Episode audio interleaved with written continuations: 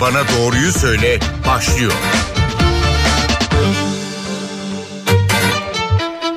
NTV Radyo'dan herkese merhaba. Yeni bir Doktor Bana Doğruyu Söyle programında birlikteyiz. Ben Aynur Altunkaş. Bu hafta hava kirliliğinin sağlığımız üzerindeki etkilerini konuşacağız. Konuğumuz Koç Üniversitesi Hastanesi öğretim üyesi ve Türk Toraks Derneği Başkanı Profesör Doktor Hasan Bayram. Hocam hoş geldiniz yayınımıza. Hoş bulduk efendim. Ee, programa dinleyenlerimiz de sorularıyla katılabilirler. 0212 335 47 20 335 47 20 canlı yayın telefon numaramız. Ee, kurak bir sonbahar geçiriyoruz. Aslında sıcak bir sonbahar da denilebilir buna. Ee, kimileri pastırma yazı dese de aslında öyle olmadığını e, söylüyor meteoroloji uzmanları. Gece ve sabahları ayaz var, gündüz hava sıcak, e, rüzgar az. E, geceleri ve sabahları kaloriferler, sobalar yanıyor. Gündüz de o hava dağılmadığı için adeta üzerimize bir bulut çökmüş durumda. Ee, gördüğümüz renk puslu bir renk, kahverengiye yakın, sarı kahverengi evet. arası. Yani görüyoruz evet hava kirli. Ama o bulutun içinde ne var? Bu havayı ne kirletiyor? Onu biraz önce size sormak isterim.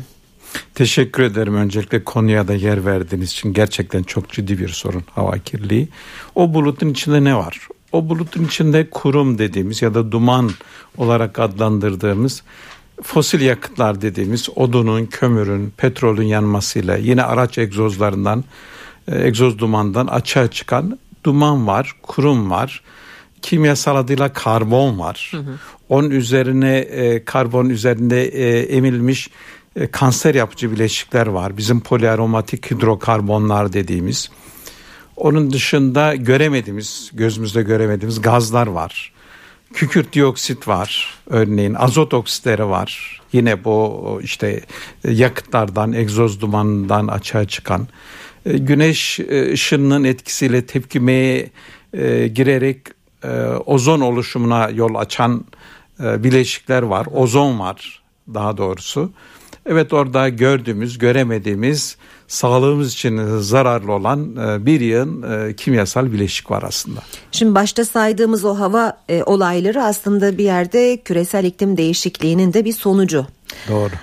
bir kirletici olarak küresel iklim değişikliğini nasıl değerlendirirsiniz? Aslında birbiriyle çok ilişkili.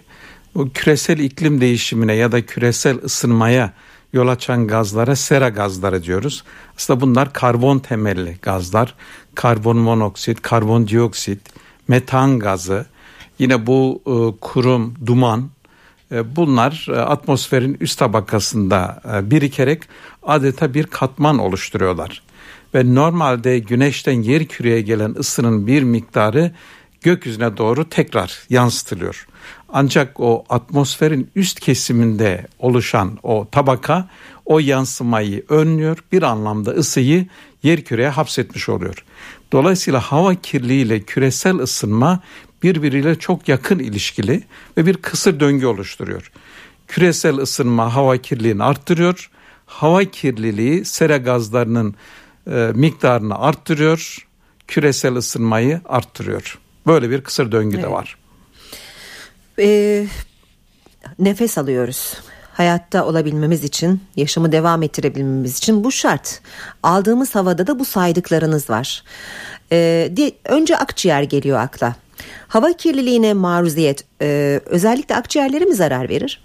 Şöyle aslında e, vücudumuzun temas eden daha doğrusu havayla temas eden her yüzey bundan etkileniyor. Ama en çok solunum sistemi ve akciğerler. Neden? Dışarıdan devamlı hava alıp veriyoruz. Yetişkin bir insan dakikada ortalama 14-16 defa nefes alıp veriyor. Ciğerlerimizi havayla dolduruyoruz, boşaltıyoruz. Çocuklarda bu çok daha sık, yaşlılarda daha sık olabiliyor. Bu o yaş grubunun daha çok etkilenebileceğini gösteriyor. E, öyle olunca da e, doğal olarak e, akciğerlerimiz daha fazla etkileniyor. Hı hı. Bu arada dinleyenlerimiz için telefon numaramızı hatırlatalım 0212 335 47 20 335 47 20. Şimdi bu hava kirliliğinin bazı ölçüm değerleri var. Hı hı. E, PM10 ve PM2,5 e, denen. Evet. E, kimileri e, akciğerlerimizin dışında kanımıza bile karışabilecek hı hı. değerleri işaret ediyor. E, çok fazla duyuyoruz bunları. Biraz açabilir misiniz? Tam olarak neyi işaret eder bunlar? E, teşekkür ederim. Bu konu gerçekten önemli. O belirttiğimiz rakamlar o özellikle e, duman, partikül dediğimiz dumanı oluşturan e, o zerreciklerin çapını gösteriyor. 10 mikrondan büyük olanları e, akciğerlerimize almıyoruz. O daha çok üst solunum yollarını, ağzı ve burnu etkiliyor. Onlar da zararlı tabii ki. 10 mikrondan küçük parçacıkları yani o kurum oluşturan parçacıklar akciğerlerimize, hava yollarımıza kadar girebiliyor. Bunların daha küçükleri, örneğin 2,5 mikrondan küçükleri alveol dediğimiz hava keseciklerimize kadar ulaşabiliyor. Oradan da kana karışarak sistemik dolaşıma e, girebiliyor. Bütün e, vücudu etkileyebiliyor. Tabi sadece bu parçacıklar sadece kurum değil gazlardan da söz ettik. Örneğin kokusuz e, gazlar var ozon gibi azot dioksit gibi bunlar hiç hissetmeden bunları ciğerlerimizin e, en uç ünitelerine kadar alveolere kadar alabiliyoruz. Hem akciğerlerimizi o işte hücrelerimizi etkiliyorlar hem de kana karışarak yine diğer organlarımızı etkileyebiliyorlar. Şimdi Dünya Sağlık Örgütü hava kirliliği ile kanserin arasında doğrudan bir ilişki olduğunu söylüyor. E, şimdi anlattıklarınızdan da anladığımız kadarıyla sadece akciğer değil aslında e, pek çok kanser türüne de yakalanabiliriz hava kirliliği sebebiyle. E, bu konuda e, neler söyleyebilirsiniz? Çok doğru. E, Dünya Sağlık Örgütü artık e, hava kirliliğini grup bir kanserojen, kanser yapıcı olarak e, gruplandırdı. Bu şu anlama geliyor. Artık hava kirliliğinin kanser yaptığına dair yeterli bilimsel kanıt olduğunu gösteriyor. Dolayısıyla hava kirli kanser yapıyor mu diye artık bilimsel çalışmaya gerek olmadığı e, anlamına geliyor. E, çok doğru. Tabi başta e, akciğer kanser riskini arttırıyor. Ama biraz önce söylediğimiz gibi kana da karıştığı için bu kirleticilerin çoğu diğer sistemlerde de aklınıza gelebilecek bu kan kanseri olabilir, bu mesane kanseri olabilir, bu lenf kanseri olabilir, bu beyin kanseri olabilir. Bütün diğer sistem kanserlerinin ortaya çıkma riskini de ciddi olarak arttırıyor. Mevsim olarak e, gribal enfeksiyonların da e, çok sık e, görüldüğü bir e, dönemdeyiz. Hava kirliliğinin de etkisiyle son zamanlarda e, gripten iyileşme sürecinin uzadığını söylemek yanlış olur mu? Aslında e, çok yanlış değil kesinlikle değil. E, buna dair e, elimizde ciddi kanıtlar da var.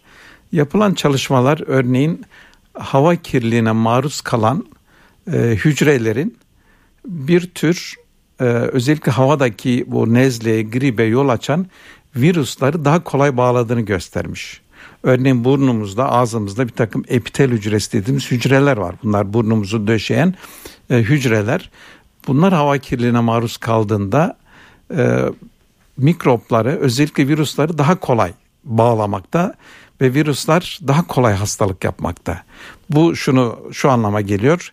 Yani havanız kirli ise daha kolay nezle oluyorsunuz. Nezle mikrobundan etkileniyorsunuz. Daha kolay grip mikrobundan etkileniyorsunuz. Sadece o değil. Özellikle hava yollarımızda hava yollarımızı mikroplara karşı e, savunan o salgıların içinde de bir takım antimikrobiyal maddeler var, salgılarımız var. Bunların yapısı da bozulabiliyor. Bunların antibakteriyel e, etkinliği azalabiliyor. Dolayısıyla hava kirliliğinin fazla olduğu yerlerde mikrobik hastalıklara yakalanma riskiniz artıyor ki bunu gösteren çok sayıda çalışma var. Örneğin hava kirliliğinin yoğun olduğu dönemlerde daha fazla üst solunum yolu ya da az solunum yolu e, enfeksiyonu ya da mikrobik e, hastalığı e, görebiliyoruz. Öksürüğün bir türlü geçmiyor diyene havadandır diyoruz. Bu doğru mu? Ee, yanlış değil, doğru. Çünkü bir yandan e, hava kirliliğinin doğrudan o hava yollarını tahriş edici etkisi var. O öksürük reseptörleri dediğimiz e, reseptörler öksürüğe yol açan o, o, o uyarıcı e, reseptörler bunlar hava yollarımızın değişik e, kademelerinde var ve siz işte sigara dumanı olabilir, kirli hava olabilir. Aldığınız zaman doğrudan e, öksürüğü uyarabiliyor. Bir de tabii hastalığa yol açarak e, öksürük ortaya çıkabiliyor. Tabii biz şimdi açık havanın kirliliğini konuşuyoruz ama kapalı mekanlar da kirli aslında. Bizim görmediğimiz birçok toz uçuşuyor etrafımızda. Ee, burada nelere maruz kalıyoruz? Yani bir ortamda sigara içilmiş olabilir, içilmemiş olabilir. Ya da e, yerde halı olmuş olabilir, olmamış olabilir. Doğru. E, camdan içeri sürekli toz giriyor olabilir. E, burada hakikaten nelere maruz kaldığımızı söyleyebiliriz. Biz tabii hava kirliliğini iki gruba ayırıyoruz. Dış ortam hava kirliliği, iç ortam hava kirliliği. Aslında pardon. İki tarafta çok e, dinamik etkileşim halinde. Bir kere dış ortam e, havası kirliyse dış ortamdaki kirleticiler iç ortama da geçebiliyor. Çünkü bu gazlar her aralıktan geçebiliyor. E, işte bir mikrondan küçük partiküllerden, zerreciklerden bahsettik. Bunlar da iç ortama geçebiliyor. Dolayısıyla dışarıdaki hava iç ortamı da kirletebiliyor. Onun dışında iç ortamda oluşan e, kirleticiler de var. Biraz önce söylediğiniz gibi işte bu içeride yanan sobadan açığa çıkan e, duman ya da gaz olabileceği gibi içilen sigaradan iç ortamı kirleten e, kirlilik söz konusu.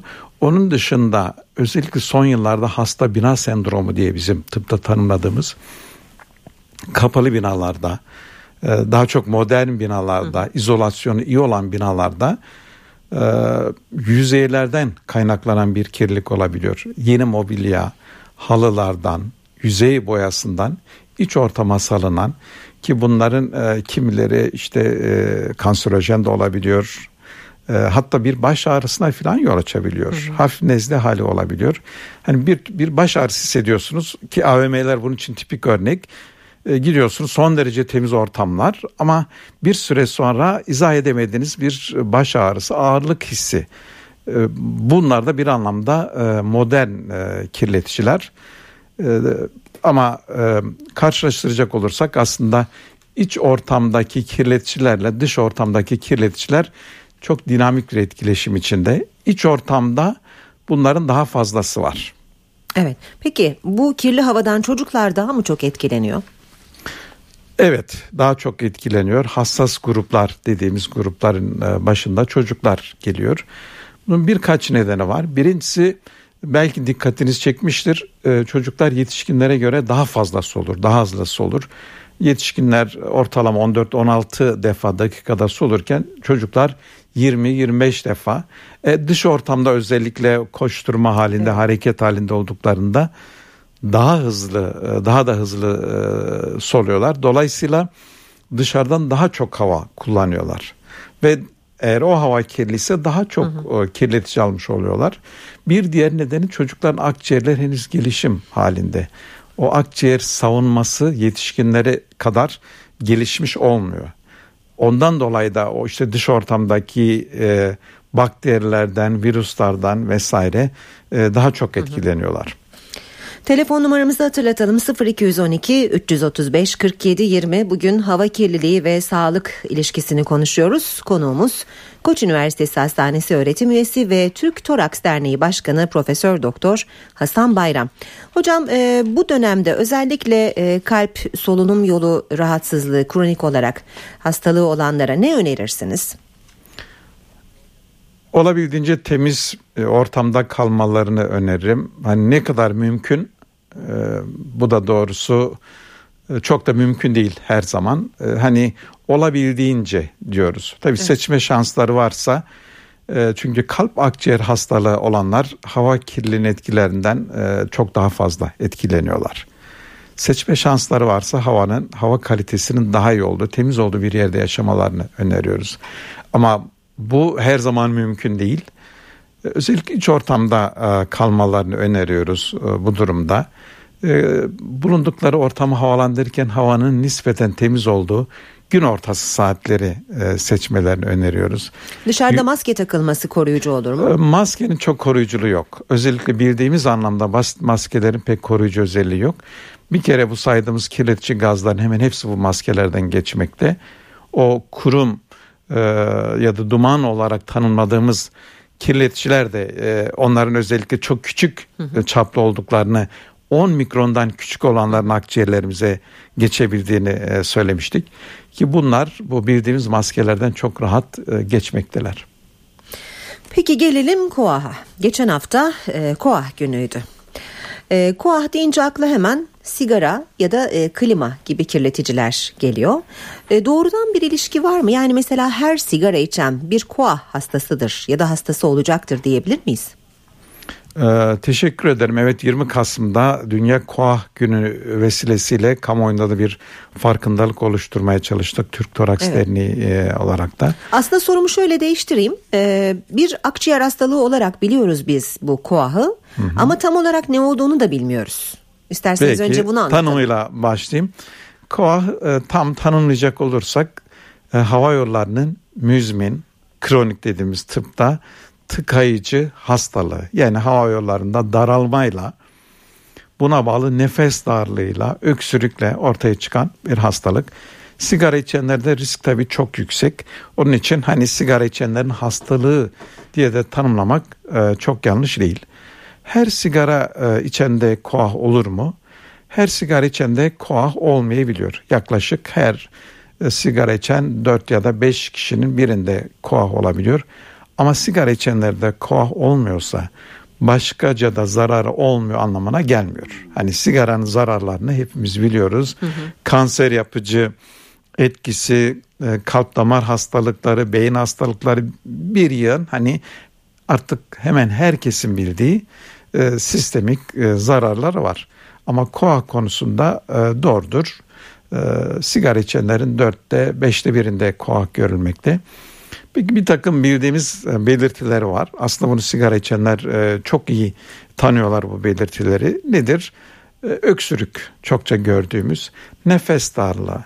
İlk başta e, hareketle, eforla ortaya çıkan bir nefes darlığı ama hastalık ilerledikçe istirahatle de ortaya çıkan bir e, nefes darlığı, balgam çıkarma e, yakınması, e, özellikle e, sigara içenlerde görüyoruz.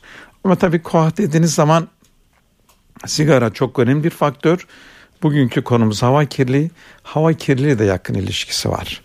Örneğin hava kirliliğin e, yoğun olduğu yerlerde koah görülme sıklığının havanın temiz olduğu yerlere göre daha fazla olduğu gösterilmiş. Bu astım için de geçerli. Bu kalp damar hastalıklar için de geçerli.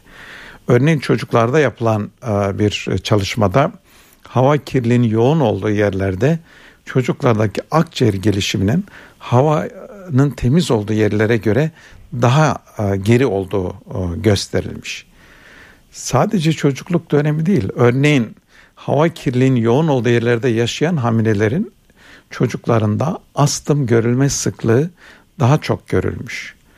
Ve zeka gelişiminin hava kirliliğinin yoğun olduğu yerlerde doğan çocuklarda havanın temiz olduğu yerlere göre daha bir etkilendiği, olumsuz anlamda etkilendiği gösterilmiş.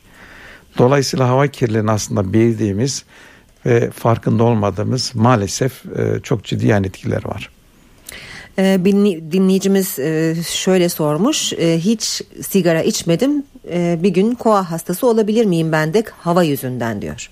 Mümkün olunabilir hem dış ortamdaki e, hava kirli hem iç ortamdaki hava kirli hem de çalışılan ortamda e, bazen yoğun kirleticilere ya da kirli havaya e, maruz kalınabiliyor. Zaten koahı açığa çıkara ya da ortaya çıkaran nedenlere bakıldığında birinci sırada e, sigara geliyorsa ikinci sırada da hava kirliliği ve iş ortamda maruz kalınan kirlilik gelmekte. Koahın tedavisi nasıl hocam? Kohan tedavisi e, KOHAT tedavide ne yazık ki çok başarılı değiliz. Yani hastalığı çok iyi tedavi edemiyoruz. Çok iyi e, geriye döndüremiyoruz. Dolayısıyla KOHAT'ta e, ısrarla vurguladığımız şey en iyisi KOHAT olmamak. Bizim e, kronik akciğer hastalıklarında örneğin astımda bugünkü ilaçlarımız e, çok başarılı olabiliyor. Hastalığı çok iyi kontrol altına alabiliyor. Ancak KOAH için aynı şey söyleyemiyoruz. KOAH'ta verdiğimiz tedaviler hastayı nispeten rahatlatan tedaviler. Ama en etkili önlem KOAH'ta sigarayı bırakmak ve e, hava kirliliğinden uzak durmak. Ee, onun dışında e, ilaçlar da e, işte kısmen e, rahatlatıcı olabiliyor. Peki sigara bırakıldıktan sonra örneğin 30 yıl içtikten sonra e, bir kişi sigarayı bırakmaya karar vermişse günün birinde hiç içmemiş gibi olabilir mi akciğerleri? 30 yılın sonunda bunu söylemek zor. Hani belki daha kısa süreler için 3 yıl 5 yıl ya da daha düşük miktarlardaki sigara için belki bu hani bunu söylemek yanlış olmayabilir. Bunu net söylemek zor. Yani sigaranın etkisi biraz do, doza bağlı olarak ve içilen süreye bağlı olarak ortaya çıkan bir etki. Bir de tabii kişilerin bireysel özellikleri. Genetik yapımız da sigaradan ya da hava kirliliğinden e, ne kadar etkileneceğimizi e, bir ölçüde etkiliyor. Ancak şöyle bir geneleme yani yapılabilir. sağlam genlere sahipsek daha mı az etkileniriz? Ee, yani o söylenebilir ama garantisi yok. Hı hı. Ee, kabaca şu söylenebilir. Ee, sigara içtiğiniz sürenin diyelim ki 30 yıl içtiyseniz bunun e, bıraktıktan yarı süresi sonra risk bir ölçüde azalmış oluyor.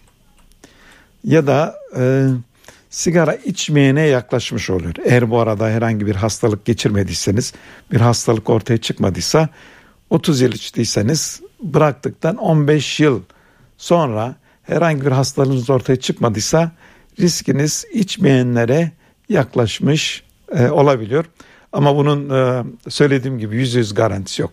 Evet. Peki bir dinleyicimizin sorusu e, var. Hava kirliliği ciltte de hasar oluşturuyor mu? Erken yaşlanma olabilir mi diye sormuşlar. Bu konuda sigara ile yapılan e, çalışmalar var. Evet sigara içenlerde cildinde çok yıprandığını görüyoruz. Hem hem bu sistemik etkiden dolayı cilt yıpranmakta hem de doğrudan temastan dolayı cilt yıpranmakta. Aynı şeyi hava kirliliği için söylemekte yanlış olmaz. Hep e, kirleticileri konuştuk ama e, havayı nasıl temizleyeceğimizi konuşamadık. E, evet belki bulunduğumuz ortamı havalandırarak e, kapalı mekanı nispeten dışarıdaki hava temizse tabii. Mümkün olabilir ki evet dışarıdaki hava temizse. Ee, elbette bireysel olarak yapabileceğimiz bu küresel ısınmayla mücadele e, anlamında, e, sıfır atık anlamında yapabileceğimiz şeyler var ama e, bu havayı temiz halde görebilecek miyiz? Yani bu nasıl bir mücadele olabilir? Ee, çok teşekkür ederim. Bu, bu çok önemli gerçekten. Ee, havayı e, temizleyebilmemiz için, temiz tutabilmemiz için havayı kirletmememiz gerekiyor. Hava kirliliğin kaynaklarına bakıldığında genel olarak fosil yakıtlar dediğimiz yakıtlar işte odun, kömür, petrol e, ya da doğadaki ağaç, çer, çöp yanabilen her şey e, sonuçta bir atık bırakıyor. Ama aslında bakarsanız bunlar da güneşten geliyor bir anlamda ara zincir bu yakıtlar. Eğer biz bu yakıtları kullanmayı yavaş yavaş hayatımızdan çıkarırsak ve esas enerjinin kaynağına yani güneş enerjisine ve doğadaki rüzgar gibi enerjilere yönelecek olursak ki günün birinde bunun başarılacağına ben inanıyorum. Hava kirliliği sorunu da çözebileceğimizi düşünüyorum. Aslında bu çok zor değil. Belki önceki yıllarda teknolojisi pahalıydı. Bu güneş enerjisi gibi enerjilere e, yapılan yatırımlar pahalıydı. Günümüzde bunun teknolojisi e, oldukça ucuzlamış e, durumda. Bunu yapan ülkelerde e, görüyoruz. Örneğin Almanya e, enerjisinin önemli bir kısmını artık güneşten, güneş enerjisinden elde edebiliyor. Bazı ülkelerde artık tamamen trafikte egzozlu araç kullanımının sonlandırılması söz konusu. Ee, ve fosil yakıtlar içinde daha temiz enerjiler var, daha kirli enerjiler var. Bunların içinde kömür, petrol e, en fazla ata yol açan, en fazla kirletici gaza, dumana, kuruma yol açan e, yakıtlar. Ve bunları olabildiğince hayatımızdan çıkarmamız gerekiyor. Bizim e, işte elektrik enerjisi dünyada hala birçok ülkede önemli oranda kömürden, petrolden elde ediliyor. Ülkemiz için de bu geçerli. Ancak gösterilmiş ki gerçekten havayı en çok kirleten yakıtlar kömür, petrol gibi fosil yakıtlar.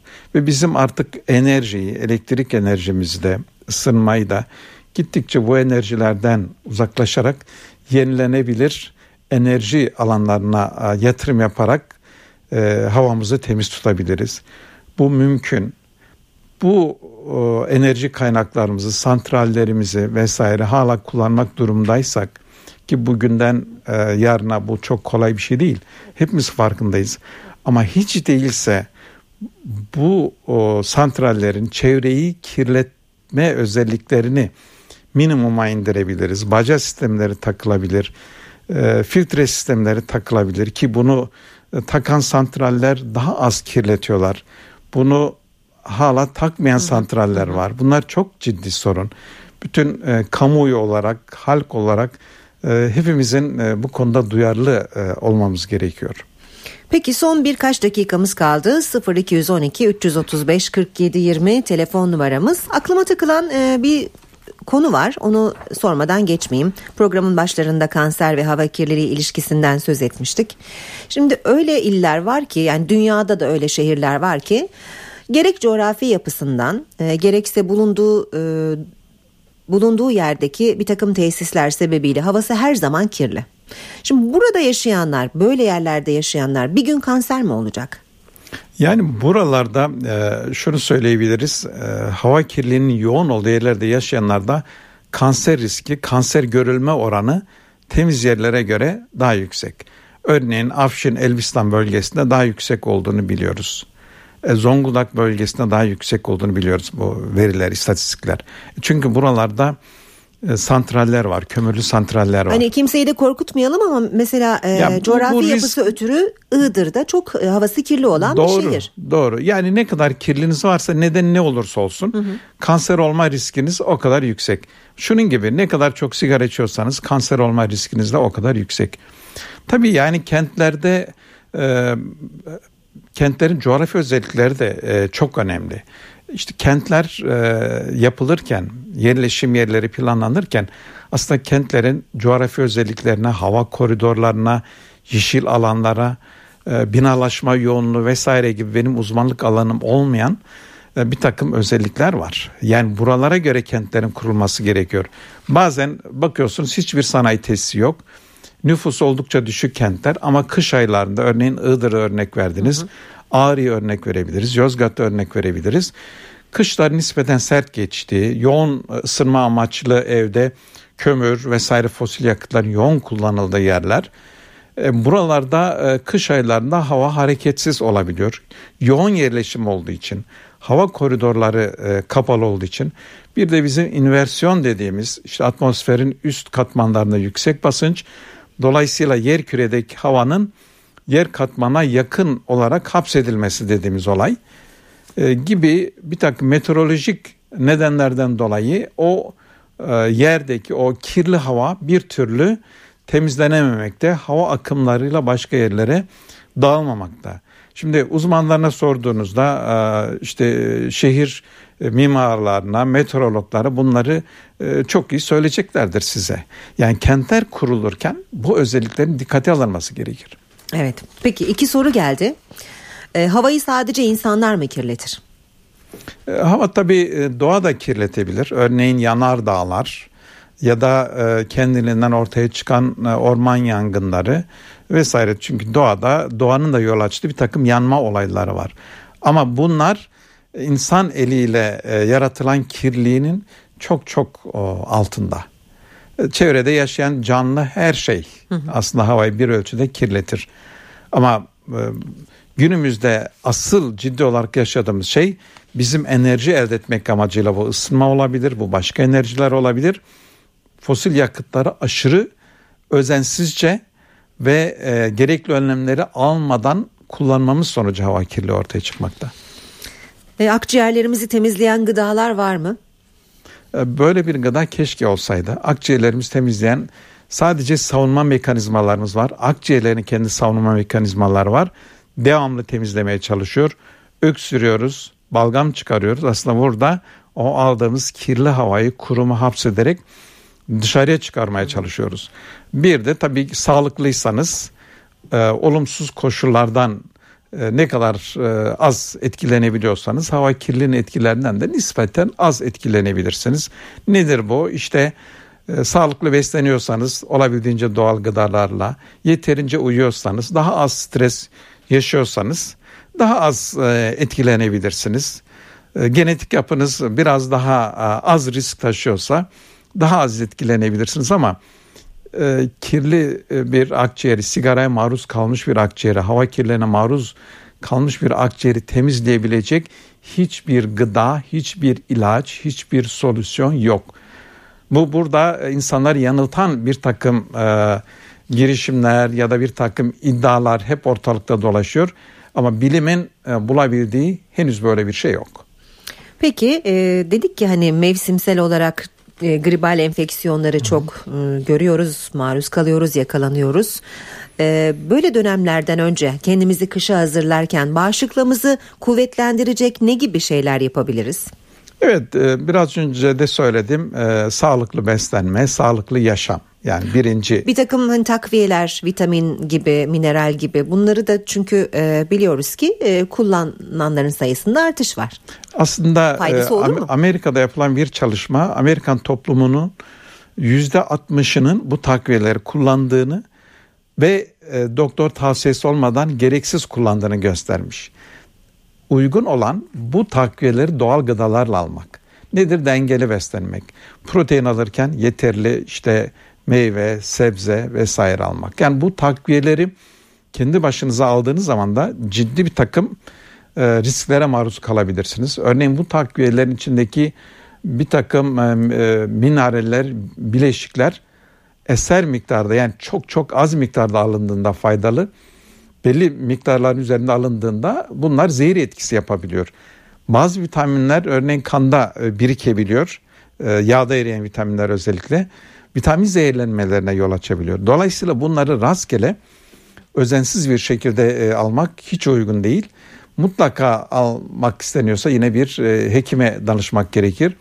Bu vücuttaki kandaki vitamin değerlerine bakmak lazım. Bu işte baharatlar e, ya da e, e, aktarlarda sağda solda satılan şeyler için de bu e, geçerli. Bunlara bağlı ciddi zehirlenmeler görebiliyoruz. Özellikle evet. hastanelere e, başvuran. E, belki en pratik önlem e, mevsim başlarken işte Ekim Kasım aylarında grip aşısı yaptırmak. O hala özellikle e, ki grip en ağır seyreden viral enfeksiyonların e, başında gelir. En nezleye karşı falan çok korumaz ama hiç değilse bu e, viral enfeksiyonların yani gripin ağır formlarına karşı bizi koruyabilir. Belki o yapılabilir. Onun dışında e, doğal beslenmek, hı hı. Sağlıklı yaşam. Peki yine son olarak bir dinleyici sorusu soralım size. Akciğerlerin su toplaması ne demektir ve bunun nasıl bir zararı vardır? Tabii akciğerlerin su toplanması e, normal bir şey değil. Bu bir hastalık e, belirtisi, hastalık bulgusu. Birçok nedeni var. Benim dinleyicimize e, önerim bir hekime başvurması. Ciddi bir şey. Tabii ciddi evet. bir şey. Hı. Tabii tabii. E, yani kendiliğinden olan bir şey değil. Peki. Ee, evet yine merak edilen konulardan biri de hmm, e, ele, elektronik sigara. Şimdi Çok sigarayı bırakanlar, e, bırakmaya çalışanlar elektronik sigarayla e, bu süreci atlatmaya çalışıyorlar ya da e, zararsız olduğunu düşünerek e, bunu içmeye devam ediyorlar. Hep tartışılan bir konu. Gerçekten zararlı mı, yararlı mı? Yararlı değil tabii de zararı var mı? Sigara kadar zararlı mı? Hayır daha mı az zararlı? Bu konuda söyleyecekleriniz vardır elbette. Ee, çok teşekkür ederim. Bu çok ciddi bir konu. Özellikle elektronik sigaraya bağlı. Ee, dün yine bir basın haberiydi. Ee, Amerika'dan bir e, genç e, kaybedilen bir hasta bu o, tıbbi haberlerde e, paylaşılmıştı. E, çok ciddi bir sorun. E, aslında sigarayla karşılaştırdığınız zaman gerek elektronik sigara gerekse ısıtılmış tütün ürünleri, nargile bunların hepsinin içeriğindeki o bileşikler sigaraya paralel. Zaten ondan dolayı sigaranın verdiği keyfi, hazzı ya da sigaranın verdiği tatmini e, onlardan alabiliyoruz. Ee, bu konuda yapılan çalışmalar aralarında bir fark olmadığını göstermiş. Elektronik sigaranın bunları ilaveten doğrudan bir e, sıvı buharlaştırılarak alındığı için e, daha önce görülmeyen ya da fark edilmeyen ama akciğerlerde hızla öldürücü olabilen ciddi hasara yol açabilen bir e, tablo ortaya çıkarmakta. Hatta bu da e, tıpta yeni bir e, tanımlama da getirildi buna. İşte elektronik sigaraya bağlı akciğer hasarı anlamına gelebilecek bir tıbbi terim. Dolayısıyla bunlar asla daha zararlı değil. Sigaradan farklı olarak daha akut, şiddetli, e, çok öldürücü etkileri olabiliyor. Özellikle elektronik sigaranın. Peki hocam çok önemli şeyler söylediniz. Süremizin de sonuna geldik. Çok teşekkür ediyorum konuğumuz olduğunuz için. Ben de teşekkür ederim. Bugün doktor bana doğruyu söyledi. Konuğumuz Koç Üniversitesi Hastanesi öğretim üyesi ve Türk Toraks Derneği Başkanı Profesör Doktor Hasan Bayram'dı. Yeni bir programda buluşmak üzere. Hoşçakalın.